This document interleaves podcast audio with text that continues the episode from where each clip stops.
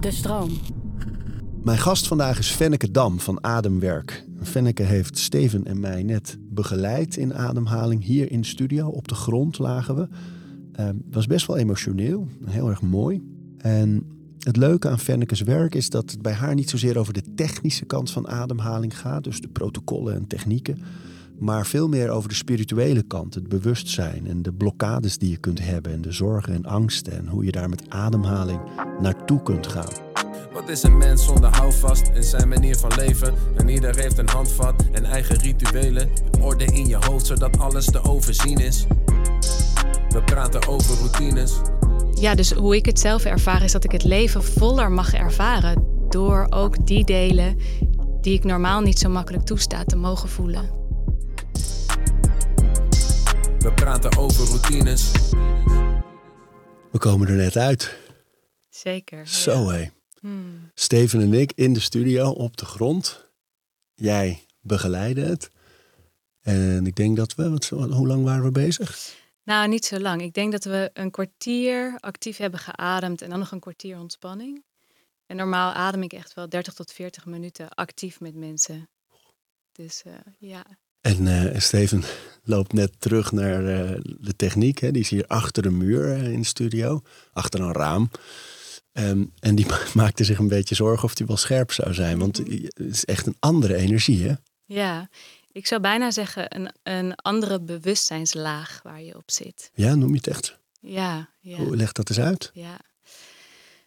Um, het, is, het, is vrij breed om er nu gelijk zo in te, in te stappen.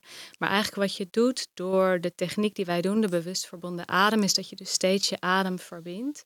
En daarmee creëer je meer bewustzijn in je systeem. Waardoor je meer aanwezig bent. En hoe meer je aanwezig bent, hoe meer je kan toestaan in je lijf. Hoe meer je bewust kan worden van wat er allemaal in dat systeem zit.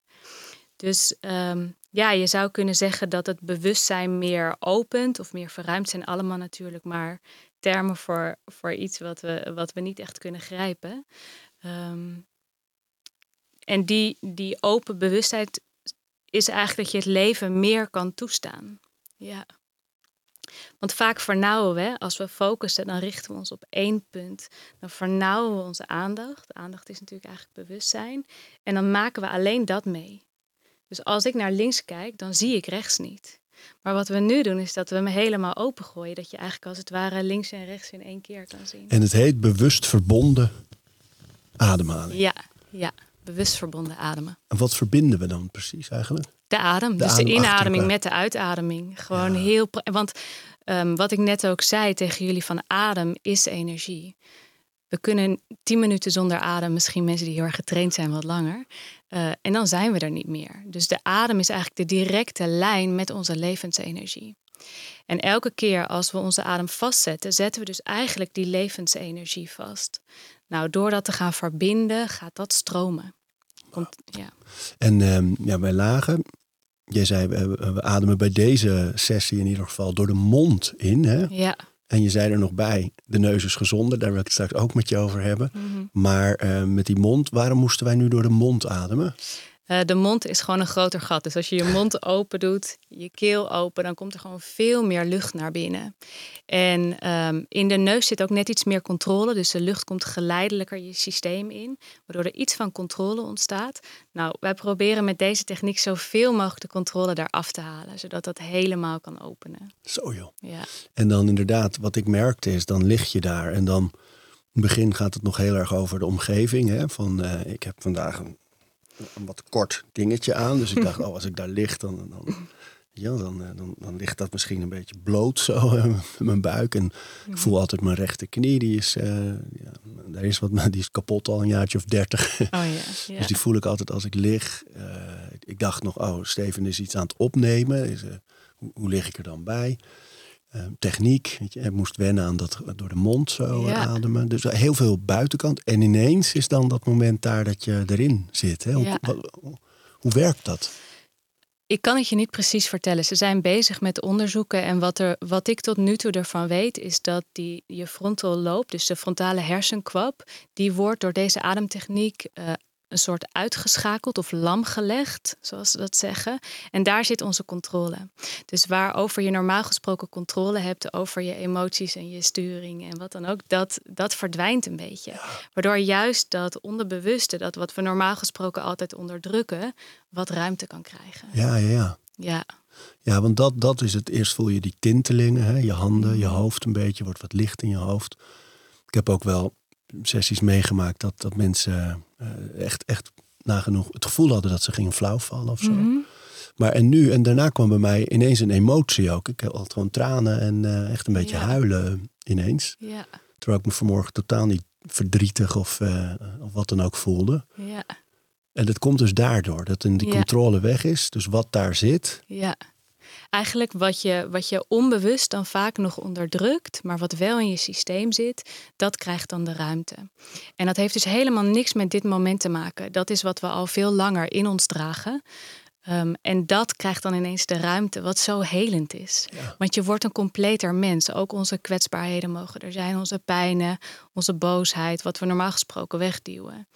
Ehm, ja, dus hoe ik het zelf ervaar is dat ik het leven voller mag ervaren door ook die delen die ik normaal niet zo makkelijk toesta te mogen voelen. Ja, ja, Ja. man.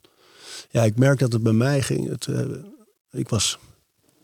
Ik heb altijd, als, ik, eh, ja, als het over angsten en zorgen gaat, denk ik heel, snel aan mijn zoon. Hm. Die is, er is niks mee aan de hand. Het is een gezonde, Hm. eh, vrolijke jongen. Alleen op de een of andere manier, van de drie kinderen, heb ik bij hem altijd een heel kwetsbaar Hm. gevoel. En dan ben ik nog extra angstig. Bij die anderen sowieso ook, maar bij hem nog meer.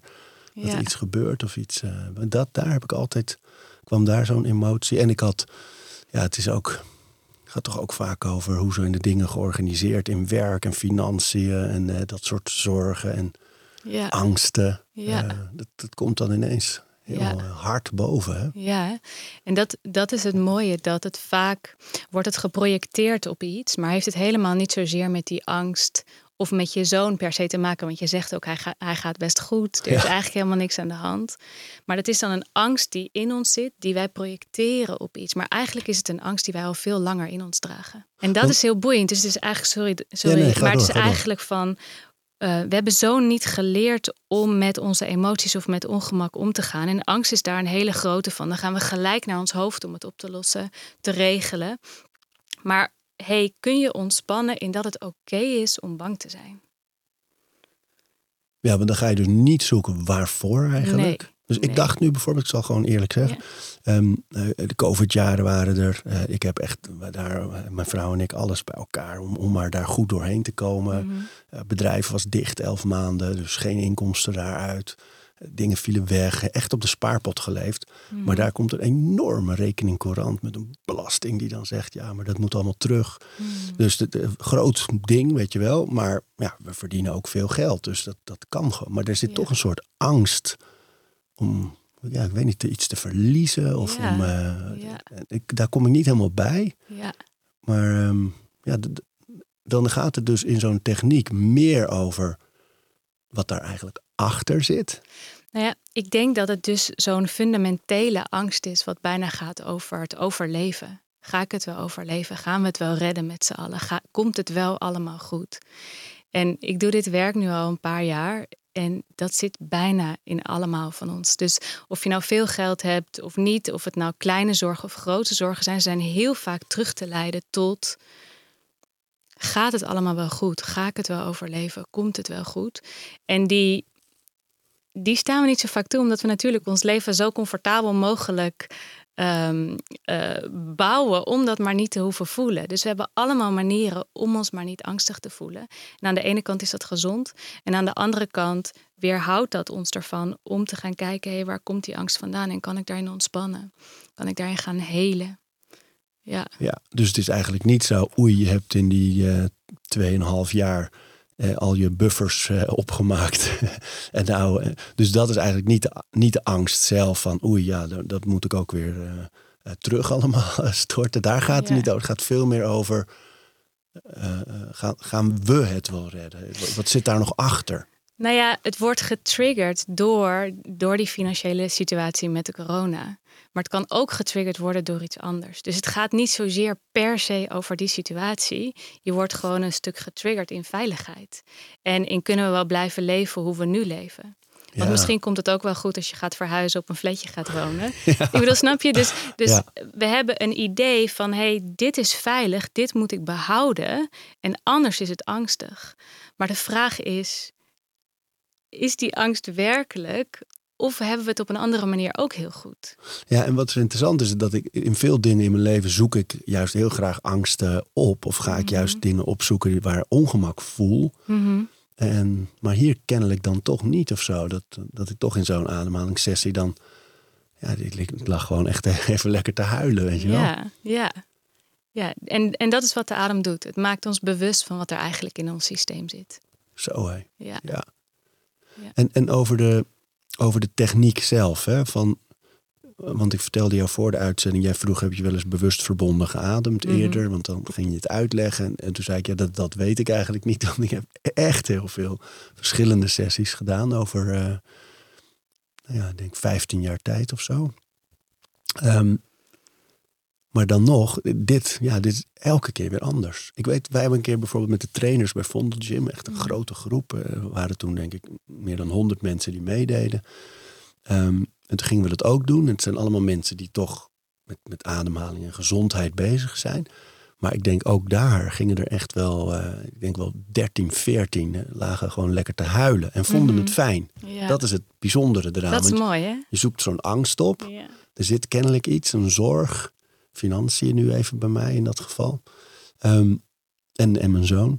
En dan huil je daar even over en dan voel je daarna toch goed. Ja, en ik denk, ik denk dat dat de stap is die we nu ook meer maken in persoonlijke groei. Is dat we dus heel erg geleerd hebben ongemak en pijn en eenzaamheid en wat dan ook, boosheid. Dat is allemaal negatief. Uh, dat willen we niet voelen. Maar als we het daadwerkelijk voelen, is het eigenlijk heel prettig. En dat is omdat het dus ons compleet maakt, wat ik in het begin zei. Omdat we eigenlijk ons complete zelf willen ervaren. En daar hoort dat bij. Ja, ja. man. Ja. Vaak als je vertelt over breathwork of ademhaling, zeggen mensen, ja, dat, dat doe je toch al. Je ademt al gewoon. Mhm. Wat is nou, what's the big deal, een beetje. Mhm. Want wat gebeurt er nou precies als je bewust gaat ademen? Ja, het bewustzijn is een deel daarvan. Dus eigenlijk de, de drie pijlers waarop transformatie plaatsvindt, is bewust, is adem, dat is energie en ontspanning. En wat je gaat voelen als je uh, bewust gaat ademen, is waar de adem in je lijf niet zit. Dus ik heb verteld over die drie gebieden. Dus je hebt de buikademhaling, flank, borst en eigenlijk ook nek, maar die laten we vaak, vaak weg. En um, die adem wil je in die drie gebieden volledig hebben. Als die ergens niet zit, dan is dat met een reden. En dat is spanning.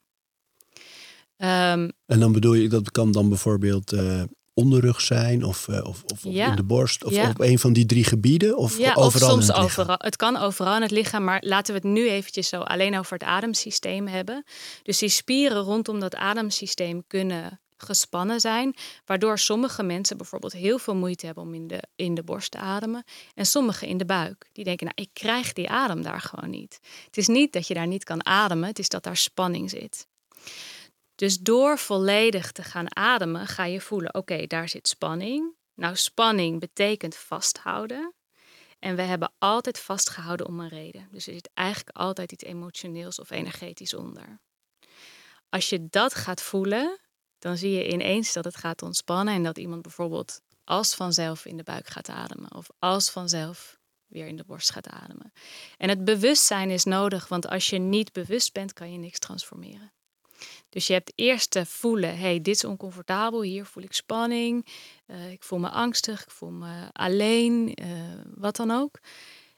En dan die helemaal doorvoelen, ontspannen in die emotie, kan dat fysieke lijf gaan ontspannen. Mooi hè, dat het zo werkt. Ja, het is prachtig. Het is echt magisch.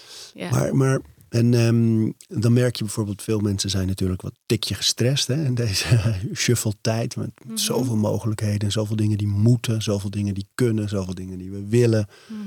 Ehm, veel werkdruk, veel inactiviteit, veel stress.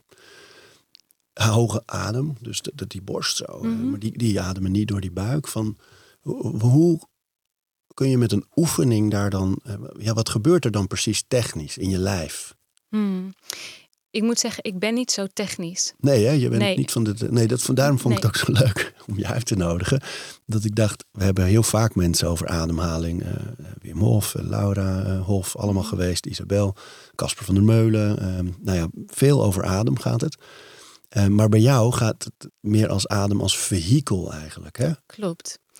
Eh, dus het is voor mij echt een tool naar bewustzijn van wat er in je systeem zit. Dus als je het hebt over stress ehm, en mensen komen bij mij met een hoge adem, dan kan ik inderdaad ze oefeningen geven om die adem naar de buik te brengen. Maar als ik niet naar de oorzaak ga waarom die stress ontstaat, dan moeten ze hun hele leven lang die ademoefening 's ochtends blijven doen om dat zenuwstelsel maar een beetje te Ja, kalmeren. met de kraan open. Ja, voor mij wel. Ehm, terwijl het wel eh periodiek kan helpen natuurlijk. Ik ik heb er niks tegen, maar ik vind het zelf fijn om dieper te werken in het systeem en te kijken, hey, kunnen we die angst, want eigenlijk is het bijna altijd angst, stress, want we redden het niet. Of het lukt niet, of we voelen ons niet goed genoeg en moeten dus keihard werken. Eh, dus eigenlijk kijken of ik daar naartoe kan en daar wat heling in kan brengen en verzachting in kan brengen, zodat iemand niet in die stressmodus hoeft. Want niet iedereen heeft met dezelfde druk ervaart stress. Dus het gaat erover hoe jij met je emoties omgaat. En dat vind ik heel interessant. En kun je daar een, een praktijkvoorbeeld dat we hem een beetje afpellen als, Mhm. als een ui? Ja. Ehm, dus dan komt er iemand met stress of angst. Mhm. Dat weten ze nog niet natuurlijk op dat moment. Die klopt bij je aan. En, hoe, hoe ga je dan te werk? Ja. Ik ga eerst met ze in gesprek om te kijken hoeveel bewustzijn ze eigenlijk hebben op hun eigen patronen en mechanismes. En eh, dan probeer ik dus uit elkaar te halen. Bijvoorbeeld, iemand kan de hele tijd kortaf en gestrest reageren. En dat zou je kunnen zeggen, dat is een emotie. Eh, maar ik ga dus eigenlijk daarachter kijken. En dan heb je het over primaire en secundaire emotie. De ene, de eerste reactie is eigenlijk altijd verdediging. En wat daarachter zit, dat is waar ik eigenlijk naartoe wil.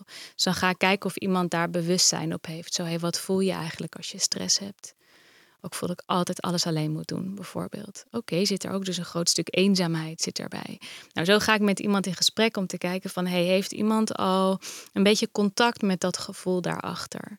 En dan ga ik een intentie zetten, wat ik ook bij jullie heb gedaan... alleen dan niet in coaching. Zo van, hey, wat is je volgende stap tot groei? Dus wat is je volgende stap om bijvoorbeeld die eenzaamheid iets meer ruimte te geven? En weten mensen dat altijd? Nee, maar daar, daar gaan we samen mee in gesprek. En dat gaan we inderdaad samen afbellen en kijken. Ja. En dan ga ik dus kijken van hoe, ik, hoe we die intentie, hoe we dus meer ruimte in dat systeem kunnen krijgen om dat toe te staan. Want doordat ze bijvoorbeeld die eenzaamheid niet willen voelen, gaan ze zo hard werken om die waardering te krijgen.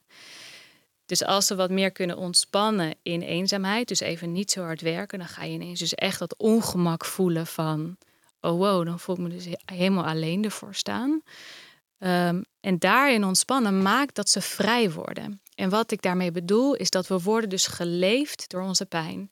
We willen ons niet eenzaam voelen, dus gaan we heel hard werken, bijvoorbeeld. Of we willen ons niet, niet goed genoeg voelen, dus we gaan heel hard werken om die waardering te krijgen. Dus een stap uit je mechanisme is altijd je shit onder ogen komen. Dus het is heel oncomfortabel. Maar daar zit wel de heling in. Want daar zit nog lading op, op die emotie. En juist door die te voelen, net zoals tijdens zo'n sessie, juist om die angst even te voelen, kan die lading er een stukje af. En on- kan er veel meer ontspanning ontstaan in je lijf. Of veel meer ruimte. Dus dan is wat zij denken dat eh, de kern van het probleem is niet opgelost. Hè? De, de, dus de- die werkdruk is er nog steeds. Mhm. Maar ze leren er eigenlijk vrede mee hebben. Is, is dat het? Ik denk dat ze, eh, wat ik hoop, is dat ze het anders ervaren. Dus niet zozeer het leven verandert, als wel hoe jij het leven aangaat. En dat is de grootste verandering die je ooit kan maken. Volgens mij zegt Juno Burger dat zo de grootste verandering is niks willen veranderen. En dat is het leven toestaan. Waarom zou je vechten tegen het leven? Het is er toch. Ja. Ja, nou ja, Ja. We hebben, me- mensen hebben natuurlijk graag de indruk dat ze dat een beetje kunnen vormgeven Ja. zelf. En Ja. dat ze Ja. Dingen kunnen doen om dat leven te beïnvloeden op een bepaalde koers. En ik geloof ook heel erg dat dat kan, maar niet door te doen, maar door jezelf te veranderen. Want als je jezelf niet verandert, dan moet je altijd maar blijven doen. En daar komen al die burn-outs van en uh, wat dan ook. Maar door jezelf te veranderen, ervaar je het anders. Heb je een volledig ander leven, sta je er anders in, is ook je vibratie als het ware anders en trek je dus andere dingen aan. Zo, en hoe krijg je, ja. hoe, wat, wat zijn de stappen daar naartoe? Voor mij is de eerste stap ontspan in wat er is. Niet manipuleren met de situatie of anderen. Um, uh, niet veranderen, niet wegschuiven, uh, niet negeren.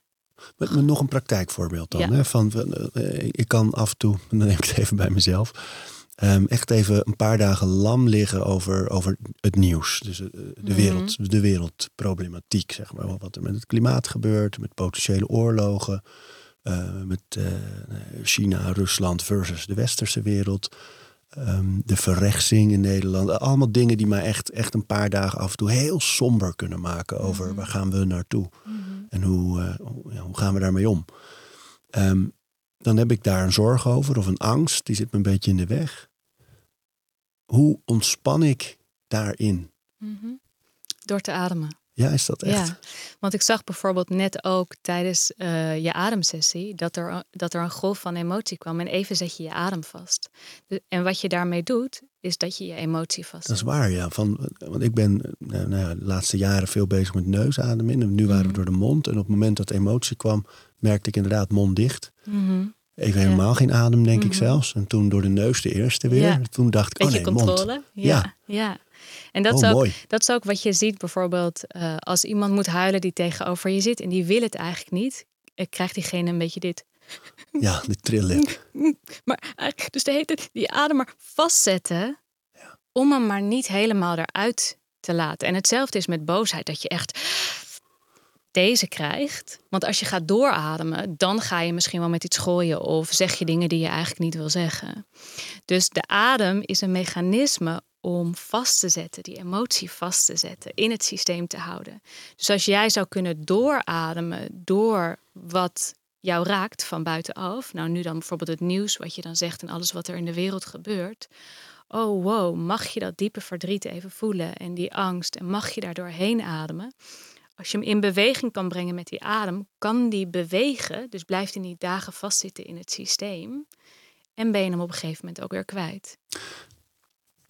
Ik, eh, grappig genoeg doe ik dat dan ook wel vaak. Mm en ik gebruik het ijs ook, eh, het, het koude water ook mm daarvoor. Van, gisteren had ik bijvoorbeeld zo'n dag dat ik gewoon ja, veel dingen in mijn hoofd. En uh, ik, ik, zat echt een beetje vast en ik was, voelde me niet zo blij. En um, en ik dacht s'avonds, nou zal ik dan maar gewoon vroeg naar bed gaan. Want een goede nachtrust is voor mij mhm. ook altijd wel een van de, de dingen die daar echt heel goed tegen mhm. helpen. Lekker trainen.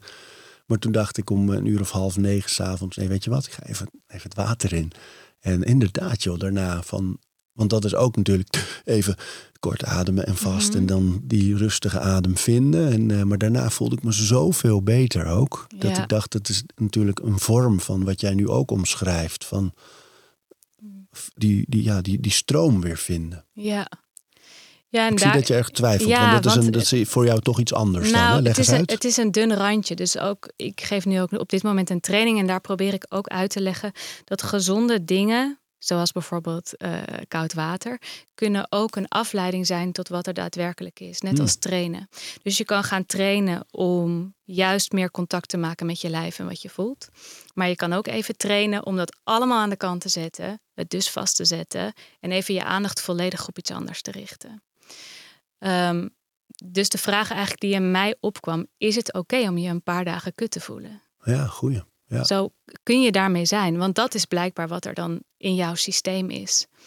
En met het werk wat ik doe en ook in mijn eigen ervaring leer ik wel dat hoe meer ik aanwezig kan zijn, hoe meer ik daarin kan ontspannen en kan ademen, het sneller beweegt. Maar als het niet sneller beweegt, is dat dan ook oké? Ja, dat je niet meteen de dingen hoeft op te lossen. Ja, want daar zit ook weer zo'n strijd in. Ja, goeie. Dit mag niet of dit wil ik niet voelen. Nou, dan ben je dus met iets in gevecht in jezelf. Ja, dus dan heb je het vehikel, ademhaling of, uh, nou ja, of, andere dingen. Maar dat moet je niet dus altijd gebruiken om iets meteen maar eh, op te lossen. Ja, en dat is wat ik aan het begin zei. Dus je kan de adem gebruiken om heel erg te richten. Dus bijvoorbeeld om je zenuwstelsel te kalmeren. Dus als je een presentatie geeft en je voelt echt zo'n trillend beentje en angstig en je adem zit hoog en het zit allemaal hier, dan kan je een techniek gebruiken om dat zenuwstelsel te kalmeren. Wat ik ook echt zou doen op dat moment. Ehm, maar aan de andere kant onderdruk je die angst. Ja. Terwijl de vraag is: hey, wat maakt dat je het zo spannend vindt om een presentatie te geven? Ja. Dus dat is altijd zo. Dus daar is eigenlijk, zou misschien de weg om te begaan zijn, dat je op dat moment wel even die oefening doet om te ontspannen en die presentatie gewoon goed en scherp te doen. Ja, Maar daarna tijd te nemen om te zeggen, waar ben ik nou eigenlijk echt bang voor op ja, zo'n moment? ja. Want die is super interessant. Wat maakt dat? Ja, ja. En die techniek, hè, heb, je, heb je daar echt een protocol voor? Voor eh, public speaking bijvoorbeeld? Iedereen vindt het spannend om in een vergadering, als je de mensen nog niet goed kent, iets te gaan zeggen. Of voor Ja. een zaal al helemaal ja. in het openbaar te spreken. Of mensen die je niet kent aan te spreken. Van wat kan je dan doen aan, aan ademhaling? Aan ademhaling. Ja, dat is dus niet volledig mijn expertise. Maar om een zenuwstelsel te kalmeren in de basis maak je uitademing langer. Oh ja, ja. Dus de inademing, dat is echt eh, het sympathische zenuwstelsel activeren. Gaat je hartslag ook wat omhoog. Dus daarom is het met sporten dat je ook focus op de inademing.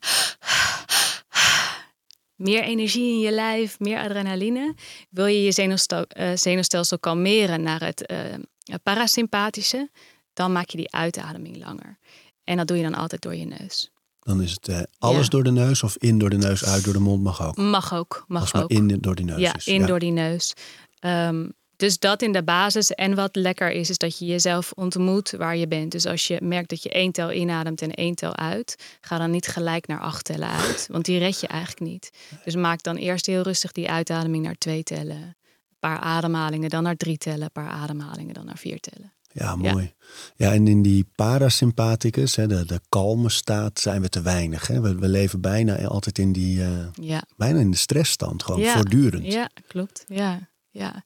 En dat is dus nogmaals, heeft voor mij echt met, de, met onze emotionele patronen te maken. Met dat we ons eigenlijk diep van binnen allemaal niet goed genoeg voelen. En die herken ik ook nog steeds in mezelf. Ja? Ja, ja. Voor mij gaat het dus niet zozeer over het oplossen, maar wel er anders mee omgaan.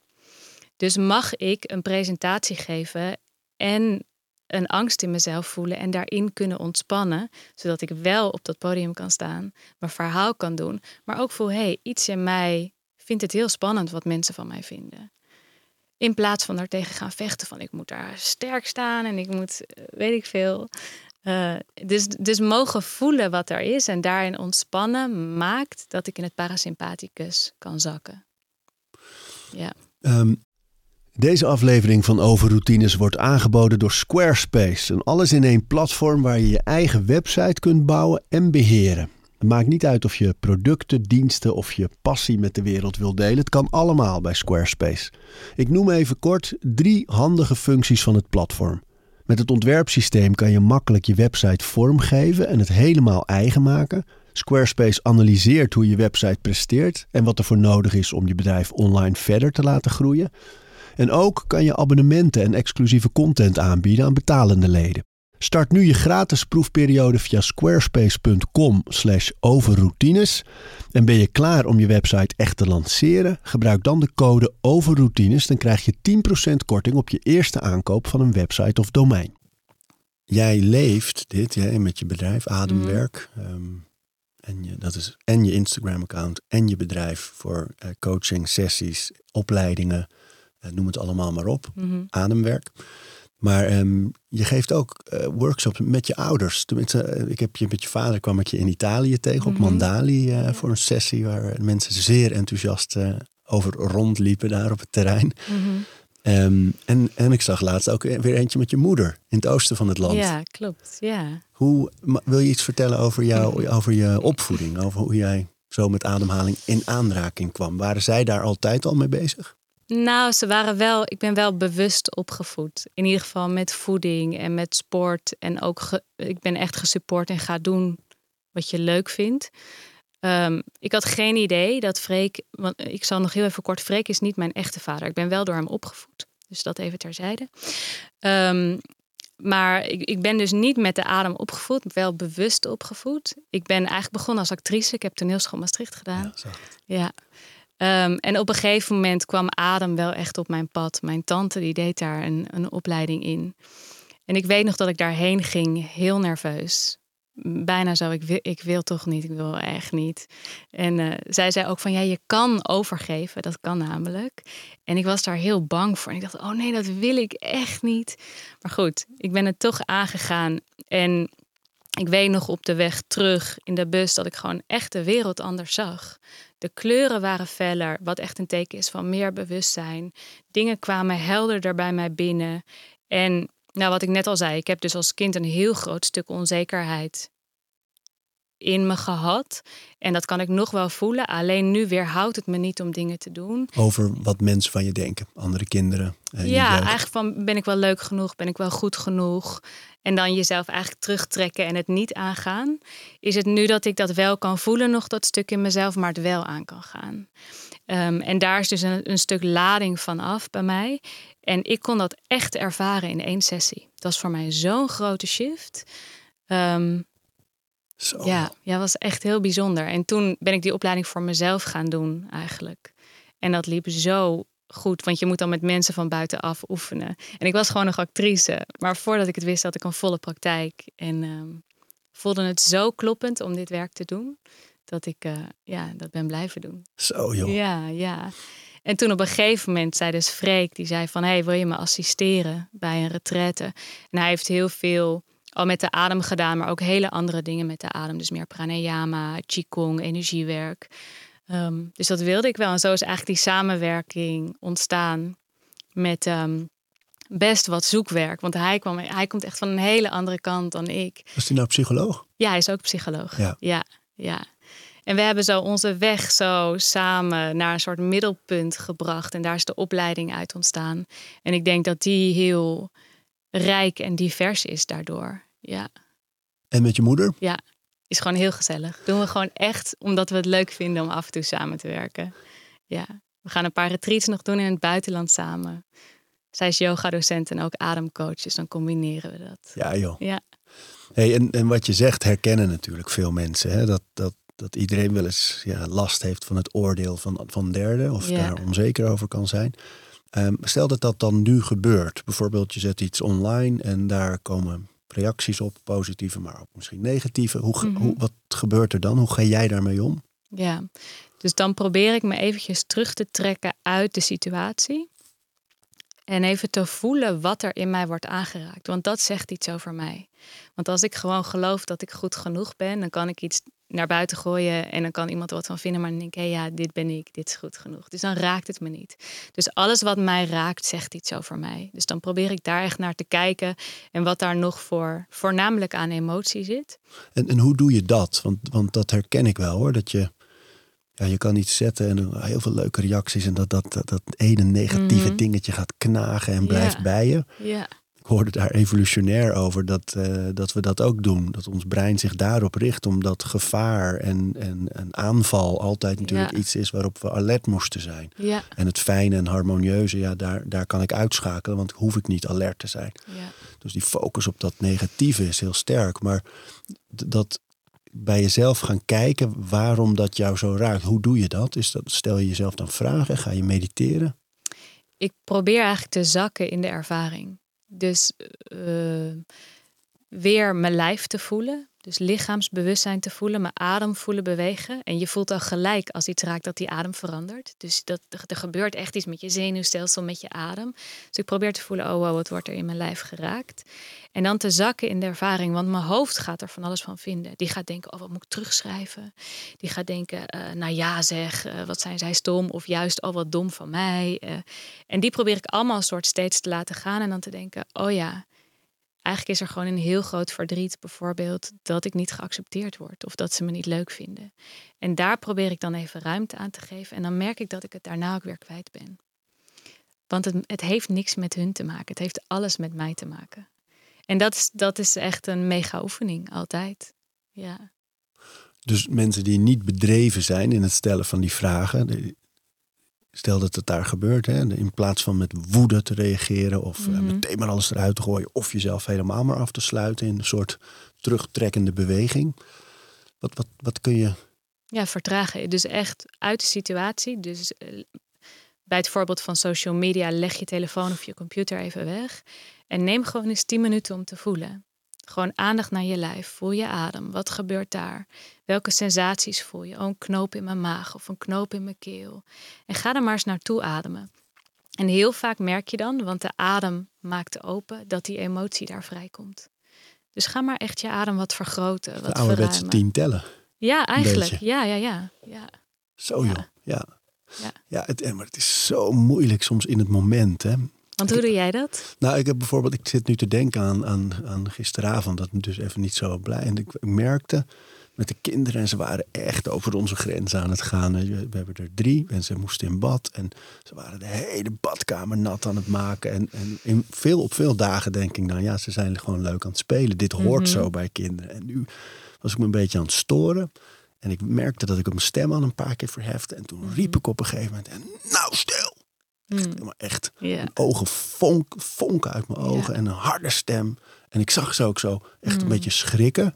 En dat trof me weer zo diep dat ik meteen eigenlijk mezelf schaamde. En dacht, oh nee man, Mm. nooit, gewoon nooit ruimte daarvoor eigenlijk. Ja.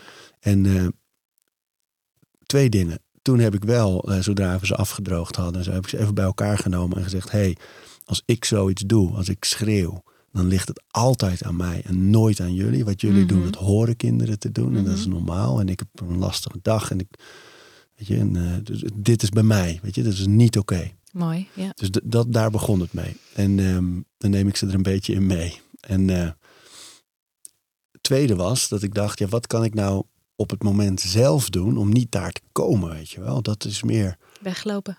ja, maar ja, ja, Ja. ja. Dus, eh, dus eigenlijk echt fysiek afstand nemen Ja. ook en daardoor afstand nemen in je hoofd en van de situatie. In het begin wel. Dus dat is ook wat ik mensen leer in de training. Eerst hebben we weg te lopen uit de situatie omdat de trigger nog zo groot is. Om gewoon aandacht bij onszelf te hebben en dat even te kunnen voelen. Daarin te kunnen ontspannen en dan weer terug te gaan. En op een gegeven moment kan je, terwijl je met je kinderen bent, kan je voelen: oh wow, ja, dit wordt er in mij geraakt. En daarin ontspannen terwijl je met je kinderen bent. Dus dan je aandacht nog steeds bij jezelf hebben. En gewoon even doen wat er gedaan moet worden. En dan hoeft die uitbarsting er niet te komen. Die uitbarsting is er alleen omdat de pijn zo groot is of het ongemak zo groot is dat je in de bescherming gaat. En dat is die boosheid die naar buiten gaat. Dus voor nu zou ik inderdaad adviseren van trek je gewoon even terug. Reageer niet gelijk op dat appje. Eh, ga even uit de situatie. Als je je heel erg irriteert aan je partner, loop gewoon even weg. Breng even je aandacht naar jezelf. Wat irriteert me nou zo? Dat is voor WhatsApp ook een goed advies, ja, inderdaad. Oh man, wat gaat dat vaak fout, hè? ja. Oh, ik had laatst ook. Dat was bij ons een trainer. We hebben zo'n groepschat met waar zitten al die trainers in. Dus dat is echt een grote club. En, ehm, en er was eentje en, die, en nou, ik gaf een soort compliment. Maar er was, was ook een situatie die even mis was gegaan. En, eh, en zij reageerde daarop met echt een hele felle ten overstaan. Dus wat ik normaal dan doe, is dan zoek even één op één op. Of een beetje genuanceerd daar. En nu liet ik me verleiden door... eh, Mm. en ik haalde echt wel flink uit. Dus ik zei, waar hebben we het nou over? Hebben we het over, dan noemde ik het inhoudelijk punt dat we aan het bespreken waren. Of wil je een vioolconcert omdat je, weet je wel, zo'n Mhm. beetje aan het lijden was. Maar dat was een veel te harde sneer, zo Mm. ten overstaan van iedereen. Dus toen dacht ik, oh nee, weer laten verleiden door Ja, WhatsApp-dynamiek. En dat je niet, maar ik veel te fel erin. ja. En, Ja. eh, maar daar werkte het natuurlijk ook. Even laten gaan. Even ja terug. want kan je voelen wat maakte, van waaruit kwam die sneer? Nou ja, bij mij is bijna altijd dezelfde reden. Ehm, er zit een behoefte aan om eh, de inhoud echt, echt te raken. Dat ik echt bijna alsof ik mijn verantwoordelijkheid voel om een les te leren, weet je wel. Wat Mhm. natuurlijk ook grotendeels Mhm. ego is. En heel veel van ik zal wel eens even en nu. Ja, ja. eh, ik word aangevallen, eh, dus ja, oké. Ja. als, Ja. als je slaat, krijg je een tik terug. Dat, dat gevoel, een beetje kinderachtig eigenlijk. Ja, en Dat dat, is er inderdaad wat je zegt, nog het beschermen van dat wat erachter zit. Ja. Dus kan je voelen wat maakt dat je zo die les wil lezen? Of wat maakt dat dat zo belangrijk voor je is? Dat dat inhoudelijk klopt of goed is? Ja, nou in dit geval denk ik is het de zorg dat, eh, kijk voor mij, als het over die gyms gaat, gaat het over de leden en gaat het over de service en dat mensen daar staan en alleen maar bezig zijn met die leden zo goed mogelijk ervaring Mhm. geven. Dus deze discussie ging over iets waarbij mensen achter elkaar lessen opgaven en weg waren. En dat ik, ik wil graag dat ze een relatie opbouwen met die leden. En weet je, daar Mhm. moeten ze helemaal voor staan en de meesten doen dat. En dit was voor mij een bewijs dat mensen een beetje nonchalant Mhm. daarmee omgingen. Ga ik je onderbreken, Ja. Sawyer. En hoe voelt het dat ze er nonchalant mee omgaan?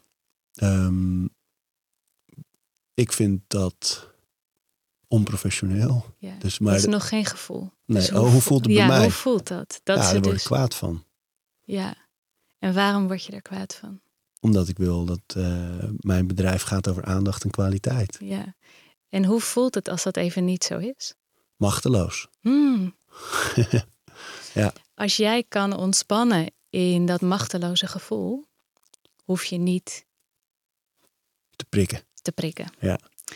En dan zou je bijna kunnen zeggen: hé hey jongens, ik merk dat ik me een soort van machteloos voel, want dit is voor mij zo belangrijk voor die leden en de aandacht en de service. Zouden jullie alsjeblieft met mij mee kunnen kijken hoe we dit beter kunnen maken? Ah, mooi. Ja. Dan ben je authentiek, ben je kwetsbaar. En dan geef je jezelf ook echt de ruimte. Mag je ook echt even dat oncomfortabele, machteloos, machteloze gevoel voelen. Ja. En zou zoiets altijd, want ik, eh, dan gooi ik er nog een je kant op. Van, Mhm. Ehm, ik twijfel al jaren of ik terug zal gaan op Twitter. Ik heb een account daar. En ik vind de dynamiek op Twitter zo negatief. En zo'n, ik vind het een, echt een, een beetje ook een, een oud medium vergeleken bij andere social media. Mhm. Maar vooral die negatieve dynamiek en het feit dat je gewoon een open riool hebt eigenlijk. Van wat je ook post. Iedereen kan er iets mee. en, Mhm. het, en het komt ook echt in je tijdlijn. Dus je wordt hoe dan ook geconfronteerd met vuil. En ehm, dus ik, ik twijfel al jaren of daar nou op een goede manier mee om te gaan is. Door wel kennisdeling, leuke dingen te delen, eh, positief. Eh, ehm, eigenlijk gewoon een, het is een enorm platform. Mhm. Maar ik blijf er eigenlijk vanaf, omdat ik weet dat ik me anders toch laat verleiden tot discussie, tot eh, snel reageren, tot Ja. ego, Ja. ge- gevat ergens op reageren. Ik heb een tijd, als er iets negatiefs was, dat ik daar dan een heel blogje van maakte met leuke reacties, een soort humor van maakte. Maar dat is allemaal ego. Denk je dat dat ook daar zou werken? Dat, dat je dan zo'n medium weer op kan als je die afstand bewaart? Ja, je zou het bijna kunnen doen als oefening voor jezelf. Om eens te kijken, wat wordt er nou steeds in mij aangeraakt? Ja. En dan dus niet in de reactie gaan. Maar eens gaan afbellen, wat we net zo deden bij dat voorbeeld met je werk. Ja. Van wat zit er nou daadwerkelijk onder? En als je, als je die kan herkennen bij jezelf, dan gaat het dus alleen maar over dat gevoel in jezelf en helemaal niet meer over dat negatieve wat ze daar posten. Maar het is een flinke oefening. En het is, ja, het is de vraag of je dat wil opzoeken. Maar je, je zou het bijna kunnen doen van... Hey, ik ga dit eens oefenen voor een tijdje. Ja, ja, ja, goeie. Ja, Ja. Zo joh. ja. Nou, Hmm. kijken of ik nog meer. nee. nee, dat is leuk. Ja, maar dat zijn natuurlijk dingen. Ik, ik leg ze je nu voor, omdat ik weet dat andere mensen daar ook mee, mee spelen. Hoe ga je om met die dynamiek?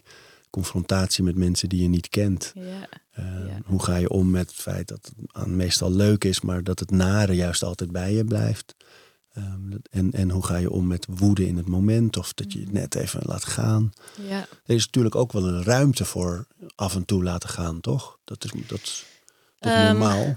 Nou, ik, ik zou graag het onderscheid willen maken tussen wel alles mogen voelen, maar niet het projecteren naar buiten. Dus ehm, bijvoorbeeld het eh, voorbeeld van boos zijn, dat zijn we dan vaak op onze kinderen, op onze partner, op eh, iemand bij het werk. Geef echt die boosheid de ruimte, maar stuur hem niet naar iemand toe. Dus in die zin ben ik zeker voor alles te ervaren en volledig de ruimte geven. Maar niet naar die ander sturen. Want het is met dat voorbeeld nogmaals jouw eh, hulpeloosheid of wanhoop die je eigenlijk voelt. Dus dan gaat het dus niet over die ander. Dus die verdient dat ook niet. Het heeft geen zin om dat die kant op te sturen. Ehm, en het voorbeeld wat ik vaak geef is als je dat dus leert, de, de, de pieken en de dalen, als het ware de achtbaan, dan kan je ook gaan genieten van het naar beneden gaan. En dat is wat je net ook tijdens die ademsessie ervaart. Van hey, even die zorgen voelen, die tranen is eigenlijk best lekker.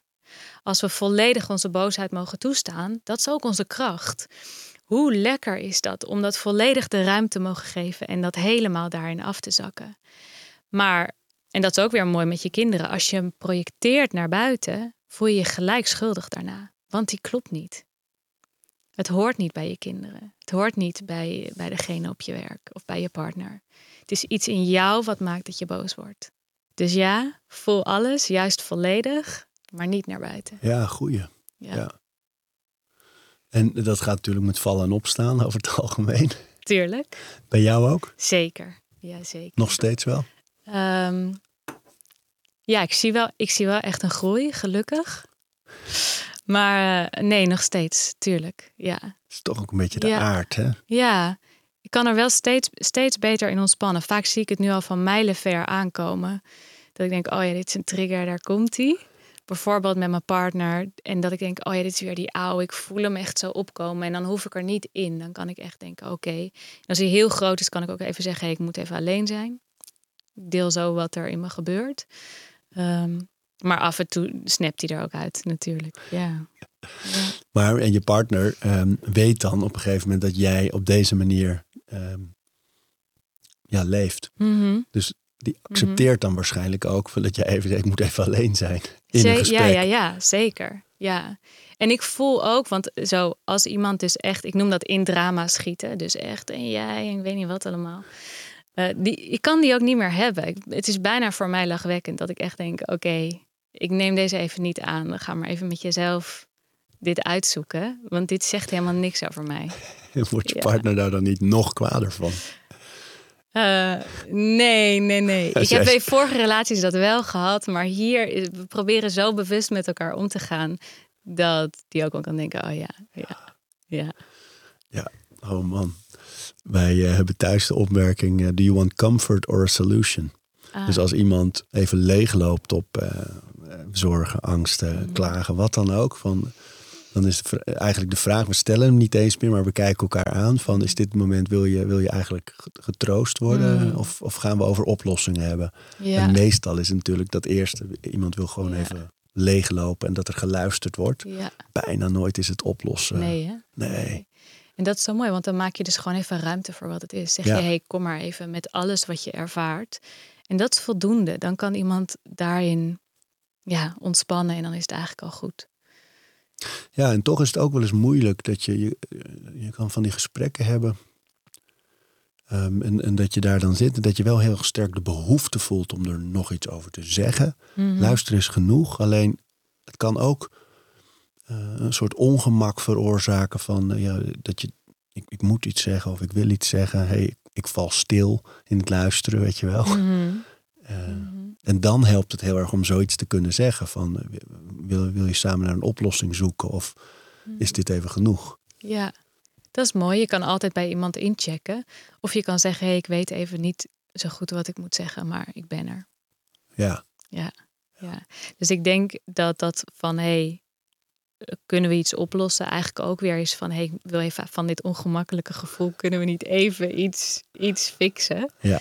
Ehm, en soms is het echt mooi om te vragen, hey, wat kan ik voor je doen? Wat heb je nodig? Ja, alleen maar dat natuurlijk, ja. Ja. Zo joh. Ja, hele reis hè? Ja man. Ja. Hey, en jij zei, um, je begon hè, onze sessie met dat mond en neus. Um, je zei al, we doen die mond omdat bij deze oefening omdat um, er veel meer lucht naar binnen komt tegelijk. En je zei neus is gezonder. Mm het, het, lijkt echt iets van de laatste jaren. Hè, dat, dat iedereen daar ineens zo bewust van is. Ja, en het heeft veel voordelen. De grootste is dat uh, wederom het zenuwstelsel, dus uh, de parasympathicus wordt ingeschakeld met de neus, dus de ontspanning. En als we dus angst hebben of moeten vluchten, rennen, wat dan ook, dat gaat eigenlijk allemaal door de mond. Dus uh, om je zenuwstelsel zo kalm mogelijk te houden, zeggen ze door de neus. En verder heeft het natuurlijk ook met filtering van de lucht te maken en het opwarmen van de lucht voordat het de longen inkomt. Nou, dat zijn allemaal gewoon hele gezonde, gezonde dingen. Ja. ja. Doe jij in je sessies ook, eh, ook die vorm van ademhaling wel eens? Dat, dat je juist die energie opwekt? Ehm, ik kan het bijvoorbeeld alleen doen als ik een cliënt heb die bijvoorbeeld heel erg in luiheid zit of in het niet aan willen gaan, dat ik even zo die energie aanzet. En wat is dan het protocol? Wat, doe- wat doe je dan? Eh, kan ik bijvoorbeeld een levensactivatie doen. Ehm, dus wat actiever in de neus of drie keer in door je neus en dan één keer uit door je mond. Eh, ja. een, beetje, een beetje zoeken wat dan nodig is. Ja, zie ja, ja, dan zet je hem echt aan. Ja, Zo. ja. Of springen en ademen. Dus echt gewoon even dat hele systeem aanzetten.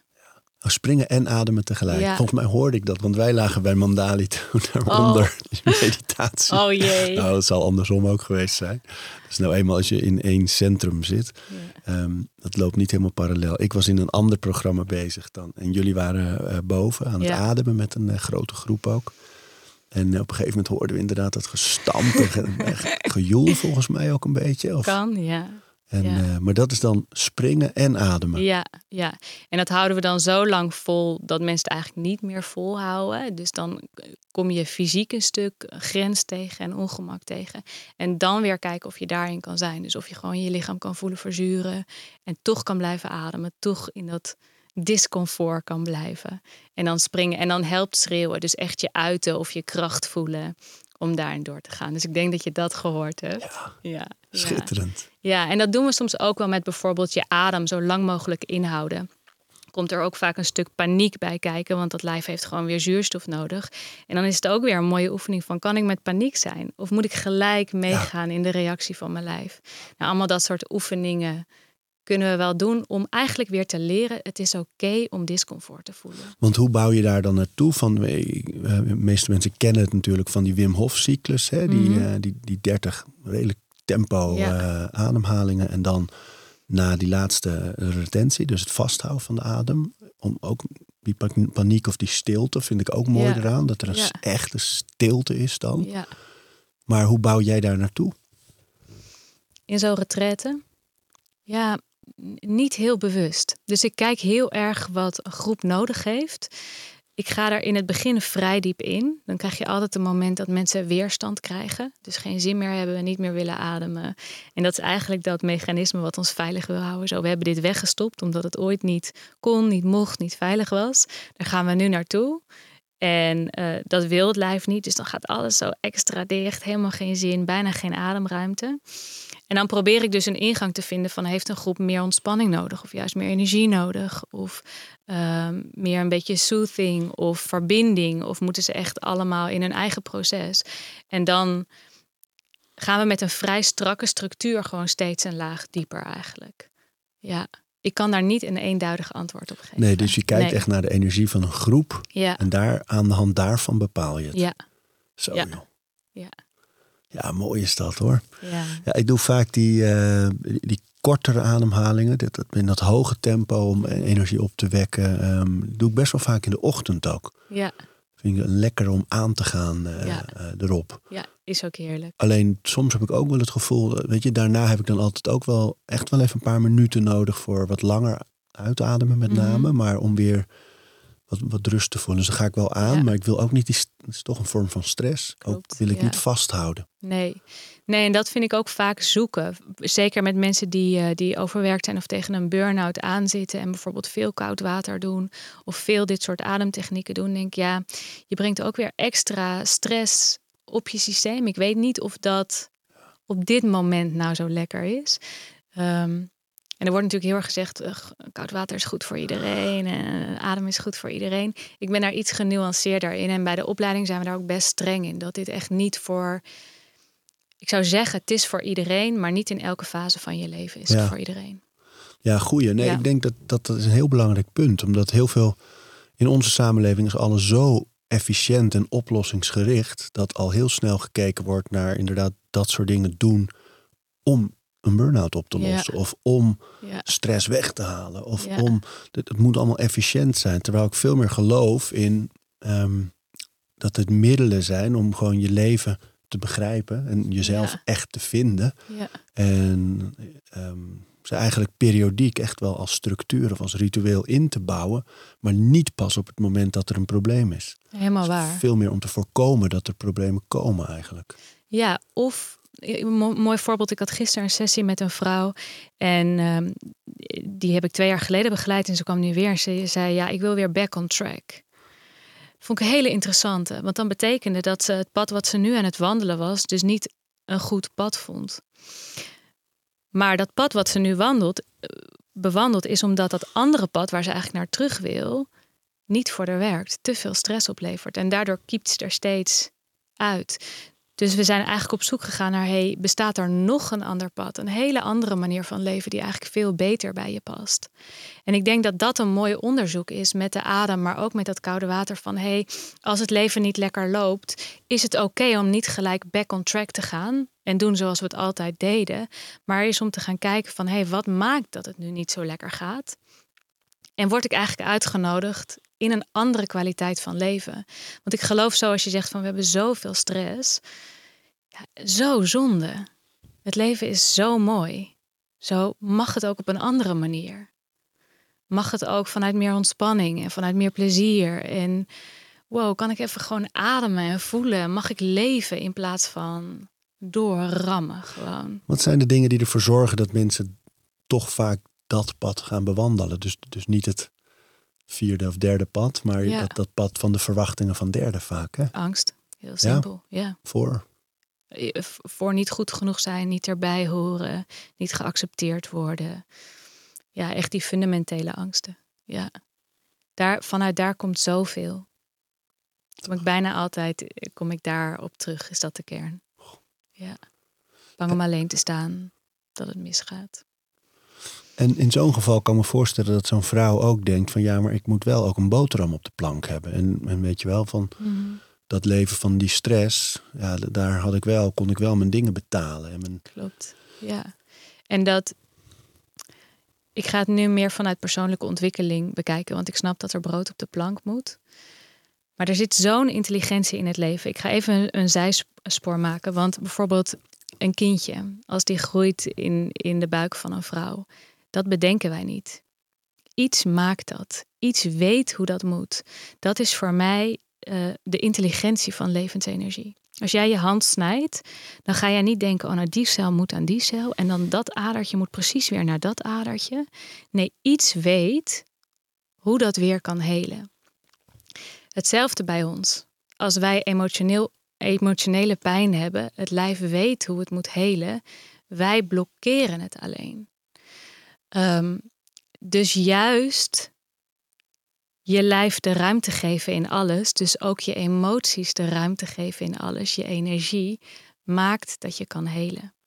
En ik denk dat dat de, ja, die vierde weg, dat dat het onderzoek is. Dus als jij denkt van, hé, hey, brood op de plank, durf je te vertrouwen dat als jij niet dat andere pad op gaat, wat dus niet werkt, de tijd zo aan dat wondje pielen en denken, nou, ik moet zelf doen, moet zelf doen, maar hoe dan? Maar kunnen denken, oké, ik laat het volledig los en erop vertrouwen dat het leven een andere weg vindt. En die is super groot. Daar, daar zit een fundamentele angst onder. Dat, dat durft bijna niemand. Vind ik zelf ook heel spannend. En toch is elke keer als ik volledig durf los te laten, dat er iets anders komt. het is bijzonder, hè? Ja, als je helemaal als je als zelfstandig of als ondernemer werkt, Ja. heb je dat altijd wel een keer meegemaakt ook. Dat je denkt, oh, spannende stap, spannende Ja. stap. En op het moment dat je hem zet, gebeurt het toch. Ja, ja, Ik ken bijna geen verhalen van mensen die dan denken, nou ja, ik heb, ik heb het geprobeerd, maar het ging toch bijna nooit. Dus Nee. het opende altijd nieuwe deuren. Waar heeft dat mee te maken? Eh, Het loslaten en het leven zijn gang laten gaan. Spannend, ja, hè? ja, super spannend. Maar ook exciting. Ja. Het is, ik voel ook gelijk een levensenergie dat ik denk: oh my god, oké, kom maar op dan met het leven. ja. ja. Ja. Waar kunnen mensen je nog meer vinden? Je hebt je, je Instagram is ademwerk. Ja. Website Mhm. ademwerk.nl gewoon. ja, klopt. That's it. That's it. daar staan je, je cursussen, je workshops. Je, daar staan ook de, de, de data voor eh, retreats enzovoort. Op, Klopt. opleidingen voor Opleidingen, mensen die inderdaad. zelf eh, die stap verder willen zetten. Ja. Zijn we Ja. dan nog dingen vergeten? Nee, dat is het. Het is lekker simpel. Dat is leuk. leuk en, en dank voor de mooie sessie ook. Graag gedaan. Dat Ja. is fijn. dankjewel dat ik hier kon zijn. We praten over routines. Dankjewel voor het luisteren. En voordat je weer doorgaat naar andere dingen, wil ik je nog even wijzen op Over Inspiratie. Dat is het mailtje dat ik elke donderdag rondstuur met drie tips. Dingen waar ik zelf veel aan gehad heb. Kunnen producten zijn, artikelen die ik gevonden heb online, onderzoeken uh, Instagram-accounts, podcasts, boeken, van alles eigenlijk. En ik denk dat je daar zelf ook veel aan kunt hebben. Dus vind je het leuk om dat mailtje elke week te ontvangen? Dan kun je je opgeven op ariboomsma.nl onderaan de pagina. Dan krijg je voortaan elke donderdag in je mailbox over inspiratie.